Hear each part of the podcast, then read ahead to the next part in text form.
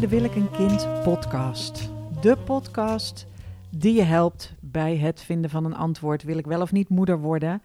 En ik zorg ervoor dat je er een beetje plezier in krijgt, ook nog als je dit nu als een uh, beangstigend vraagstuk voor je uitschuift. Vandaag wil ik het met jullie hebben over kinderwens en autonomie. Autonomie en moederschap.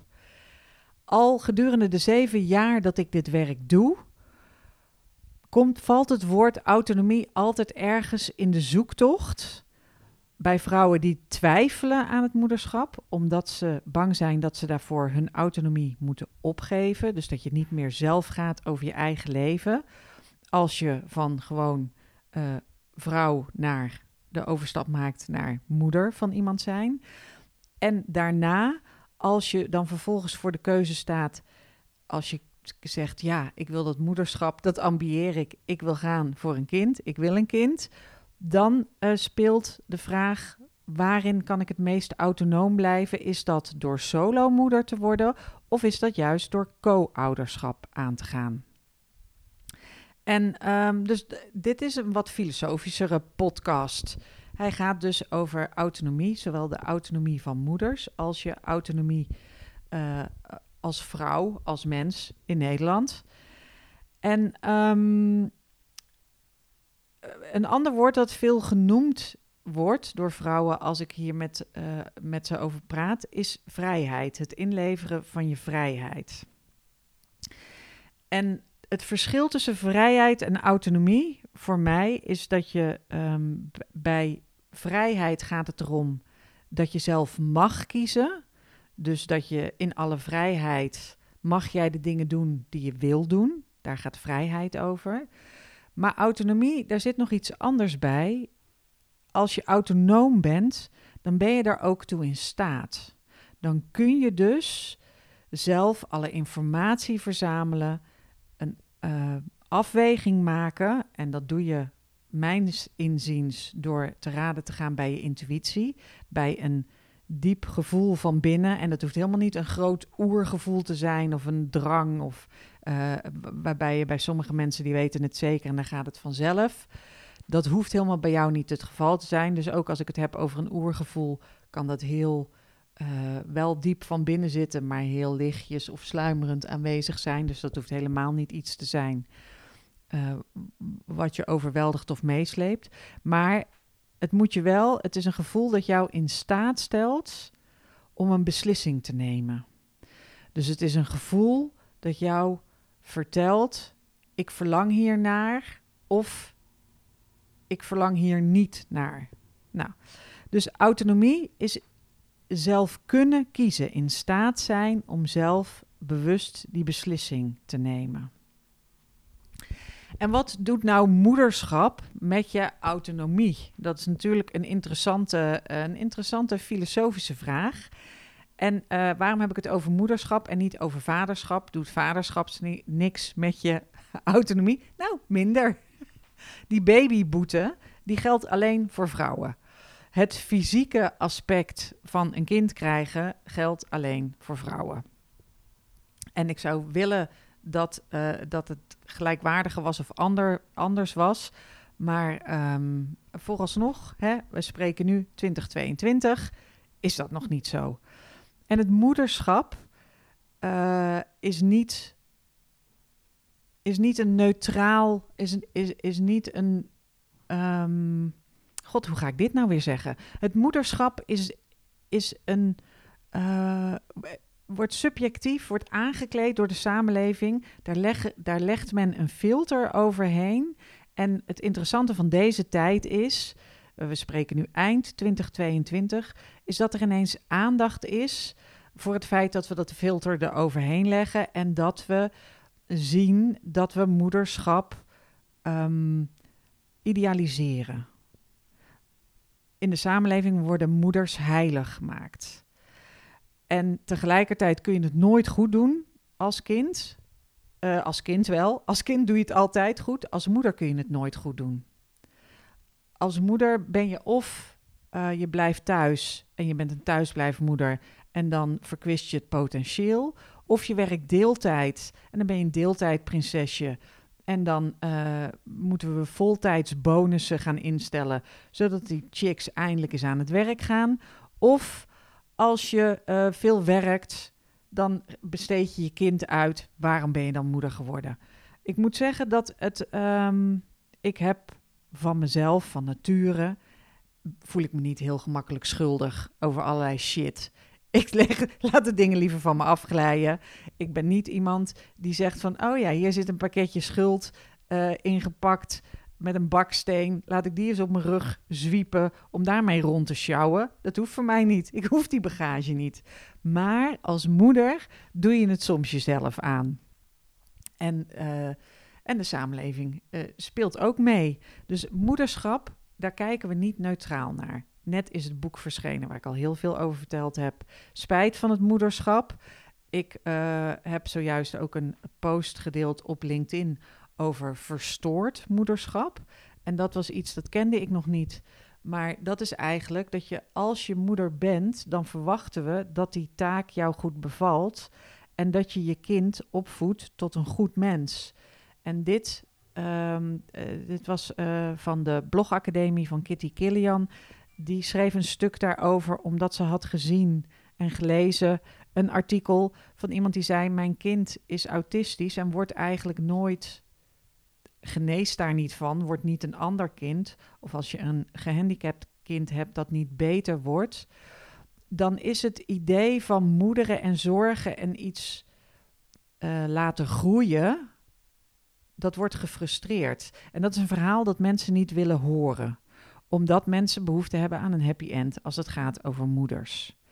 En dat is me ook al eerder opgevallen aan sprookjes. Fascinerend. In sprookjes gaan echte moeders dood.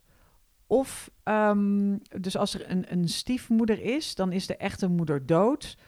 En dan is de stiefmoeder altijd gemeen. En de, en de echte moeder is altijd goed. En um, uh, al die dingen samen maken dus dat moederschap helemaal niet. Dat zit je autonomie al in de weg. Dus je kunt het moederschap niet inkleden zoals je zelf wil. Ja, dat kun je wel doen. En dat doen vrouwen ook. Maar uh, het, kost, het kost je altijd iets. Je zult altijd kritiek krijgen. Je zult jezelf ook schuldig voelen over dingen. Uh, en je zal het ook altijd verkeerd doen. Als je zelf nadenkt over wat je eigen moeder verkeerd heeft gedaan met de beste bedoelingen, nou dan snap je ook wel dat mocht je moeder worden, doe je ook weer dingen verkeerd. Oh, en wat ik helemaal vergeten vertellen, als je als vrouw ervoor kiest om te leven zonder kind, dan zullen mensen daar ook nog wel iets van vinden. En dan zullen ze ook nog wel zeggen: krijg je daar geen spijt van later? En als het later is, dan gaan ze zich afvragen of dat je er niet toch echt spijt van hebt. En of dat je echt wel achter die keuze staat. En als je zegt: ja, ik ben heel blij en tevreden en gelukkig met mijn leven zonder kind, dan zullen ze zeggen: nou, geloof ik niet.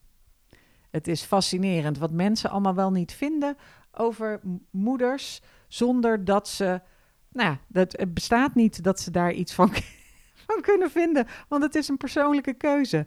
Um, terug naar de autonomie. Maar je autonomie als moeder is dus al beperkter dan die als vrouw. En tegelijkertijd, als vrouw ben je ook niet helemaal autonoom in de zin van dat de samenleving niet voor jou gebouwd is. Dus ik ben net eh, begonnen in het boek, ik heb het nog niet uit, onzichtbare vrouwen. En dat gaat over hoe alles in de samenleving gemaakt is. Van de maat van je telefoons, van auto's, van vaccins voor corona. Van alles wat er om je heen is, is gebouwd door mannen voor mannen. In de vorige eeuw, toen dat nog dingen waren. toen dat nog vaststaande uh, concepten waren. Maar dat, dat je kunt als vrouw in Nederland uh, heel goed autonoom functioneren. Dat doen we ook allemaal als je naar deze podcast luistert en je loopt lekker te wandelen. En uh, of, je, of, of je bent is uh, een schilderij aan het maken of je huis aan het poetsen. Omdat je daar zin in hebt, niet omdat iemand anders dat van je verlangt. Dan functioneer je natuurlijk autonoom als vrouw. Maar daar, ook daar zitten beperkingen aan. En aan het wel of niet kiezen voor een kind zul je dus ook merken dat mensen uh, morrelen aan jouw autonomie. En dat de samenleving dingen van je verwacht. En Gloria Steinem heeft dus heel vrij gezegd: het feit dat ik een baarmoeder heb, betekent nog niet dat ik hoef te baren. Net zo min als dat het hebben van een stemband aanzet tot uh, opera's zingen. Het feit dat die baarmoeder er zit, wil niet zeggen dat jij moeder moet worden. Maar zo kunnen andere mensen je wel benaderen. Dus als je ervoor kiest om te leven zonder kind, nou dan is het al vervelend dat je als vrouw dus dat duidelijk moet gaan verkondigen. Want je wil je daar helemaal niet mee bezighouden, want je kiest ervoor om dat pad niet in te slaan. Waarom moet dan iedereen toch die weg benoemen? En doe ik het nu ook weer? Maar nou ja, je luistert naar de Wil ik een Kind podcast. Ik ontkom er niet aan. Maar dan de autonomie als moeder. Als je ervoor kiest om, dus dat is al de keuze wel of niet moeder worden. Die keuze kan jij alleen zelf maken. Maar de samenleving is er niet helemaal op ingericht dat jij helemaal zelf die keuze maakt. En is er ook niet. Um, de samenleving is daar ook niet neutraal in. Dus het is de samenleving er veel aan gelegen dat voldoende vrouwen kiezen voor één kind. En dat ze daarvoor zorgen en dat ze zich daarvoor opofferen en dat ze daarvoor salaris inleveren en dat ze daarvoor kritiek krijgen over welwerken, over thuisblijfmoeder zijn, over deeltijd werken. Uh, gewoon over fucking, je hoeft maar te leven en adem te halen. Hè? En je krijgt wel kritiek. En daar autonoom in blijven, dus zelf kunnen kiezen, dat is voor mij autonomie. Daarin zelf kunnen kiezen betekent dat je je grenzen moet bewaken. En dat je gewoon moet zeggen, bek houden pannenkoek. je mag het ook eloquenter verwoorden. Tetoi en swabel, hè? dat zouden we ook. Swabo. Tetoi en swabo, zouden we ook eens kunnen zeggen. Maar uh, autonomie als moeder er zijn veel vrouwen die zeggen tegen mij: ja, maar als ik moeder word, dan moet ik mijn autonomie opgeven. En dat klopt deels, want als moeder ben je helemaal afhankelijk. Je hebt een netwerk nodig. Dus je kunt niet in je eentje bevallen en daarna opstaan, boodschappen doen, voor het eten zorgen, voor je kind zorgen en geld binnenharken. Dat gaat niet. Dus je hebt andere mensen en andere dingen nodig. Daarnaast, naast dat netwerk dat je nodig hebt, doet het ook iets met je autonomie. Omdat als een kind niet doorslaapt of uh, als het er net is, dan ben je moe en je bent fysiek uitgeput. Financieel is het een aanslag op je wezen. En het is ook nog eens vermoeidheid die mentaal kan zijn. Dus ik weet nog, toen ik hier naar de verloskundige ging, ik woon dus achter het concertgebouw in Amsterdam en er is een een of ander hipster tentje en uh, mijn verloskundige, die hier om de, om de hoek in de straat woont, die zei: Nou, als je dan uh, uh, bevallen bent, nou, dan na een week of zo loop je even naar de George voor kop koffie en weer terug. Hè, dat kan na een week. toen moest ik zo lachen, want ik kom nooit bij de George. Maar toen ik een kind gekregen had, ben ik inderdaad een keer naar de George gelopen voor een kop koffie en weer terug. Um, dus in die zin als je besluit om een kind te krijgen, dan, dan zul je jezelf afhankelijk opstellen en je zult hulp moeten vragen van anderen. Dat hoort erbij. En tegelijkertijd versterkt zelf kiezen voor ehm, het moederschap, als je moeder wordt, versterkt het ook je autonomie. Want grappig genoeg ben jij voor iemand anders de zon, het middelpunt, de God van zijn bestaan. Dus, want het kind draait om jou. Dus je wordt ook een, um, iemand die keuzes maakt voor iemand anders. En uh, wat ik ook gemerkt heb, is dat vrouwen ook als ze zwanger zijn. Ik, ik sprak eens iemand en die zei: Oh ja, ik merkte nu op de pont in Amsterdam wordt het steeds drukker. Maar mensen moeten niet te dicht bij me in de buurt komen. En ze moeten niet uh, uh, uh, bij mijn kind of bij mijn buik in de buurt komen, want ik timmer er bovenop. En toen dacht ik, oh ja, there you go. Ik weet niet of dat het autonoom is of agressief. Maar dus dat die autonomie, die, je verkrijgt ook een nieuw soort autonomie. En je merkt ook, ik heb nog nooit zo goed en zo snel nee leren zeggen. en het hele leuk gevonden willen worden overboord gekieperd. En daarin ben ik dus autonomer geworden en minder afhankelijk van mensen, omdat ik dacht: hé, hey, dit dient mij niet. Want ik, ik, mijn, ik moet mijn kind ook kunnen dienen. En dat kan ik niet met jou in mijn kielzog of met jou in mijn perifere blikveld. You gotta go. Daar is dus uh, het moederschap en autonomie. Zul je zien dat het je ook autonomie teruggeeft. Als je er nu voor kiest om een kind te krijgen, en dat komt niet automatisch als bekroning op de liefde, dus dat ga je anders doen, dan komt de autonomievraag nog een keer aan bod, omdat je voor de keuze staat: ga ik dit solo doen, autonoom, of ga ik het in co-ouderschap doen? En in beide gevallen krijgt je autonomie, je uh, vermogen om zelf keuzes te kunnen maken, een andere kwaliteit. Het kan zijn dat je zegt: ik kies voor solomoederschap omdat ik dan alleen maar met mezelf rekening te houden heb en de opvoeding gaat zoals ik dat wil. En dat is waar, maar ook daar uh, ben je wel afhankelijk van andere mensen die je helpen.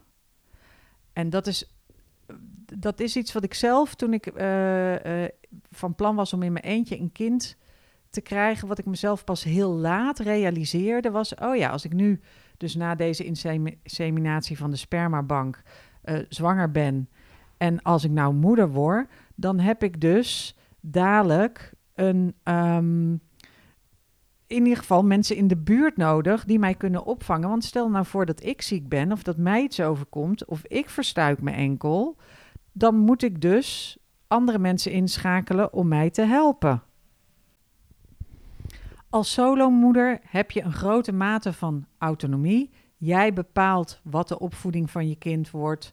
Uh, jij bepaalt waar jullie gaan wonen. Jij bepaalt uh, nou ja, allerlei verschillende zaken. En dat, jij bent dus degene die kan kiezen en je hoeft daar niet over te uh, overleggen. Maar tegelijkertijd ben je ook kwetsbaarder en sowieso toch afhankelijk van andere mensen. Als jou iets overkomt, moet je hulp kunnen vragen. Als, uh, als je ergens mee zit, dan moet je ruggespraak houden of dan wil je graag ruggespraak houden. Moet je ook mensen voor regelen. Dus je hebt even zo goed toch een netwerk nodig. En je hebt nooit vrij van je kind. En dat vind ik een hele belangrijke. Dus als je denkt, als solomoeder ben ik autonoom, mag ik alles zelf bepalen en kan ik alles zelf bepalen? Nee, als er een kind is, dan is dat kind leidend en het is 24 uur per dag, 7 dagen in de week. Dus je kunt het wel eens een keer misschien naar opa en oma brengen of naar een vriendin, maar jij blijft de hoofdverantwoordelijke en jij blijft degene die eigenlijk bijna altijd stand-by moet staan om daar dan voor te zorgen. Uh, dus eigenlijk ben je continu op oproepbasis. Ik heb zelfs nog in het begin van dat mijn kind geboren was, de babyfoon deed het tot in cafeetje Welling. Dus dan ging ik gewoon met mijn babyfoon daar op het terras zitten. En dan heb ik ook nog eens het voordeel dat ik natuurlijk in die malle woongroep woon. Dus als ik daar op het terras zit en ik ga oud, hè, door, om wat voor reden ook, omdat er een dikke parasol op mijn kop valt of zo, dan ligt mijn baby hier nog niet alleen, want er zijn gewoon andere mensen in het huis.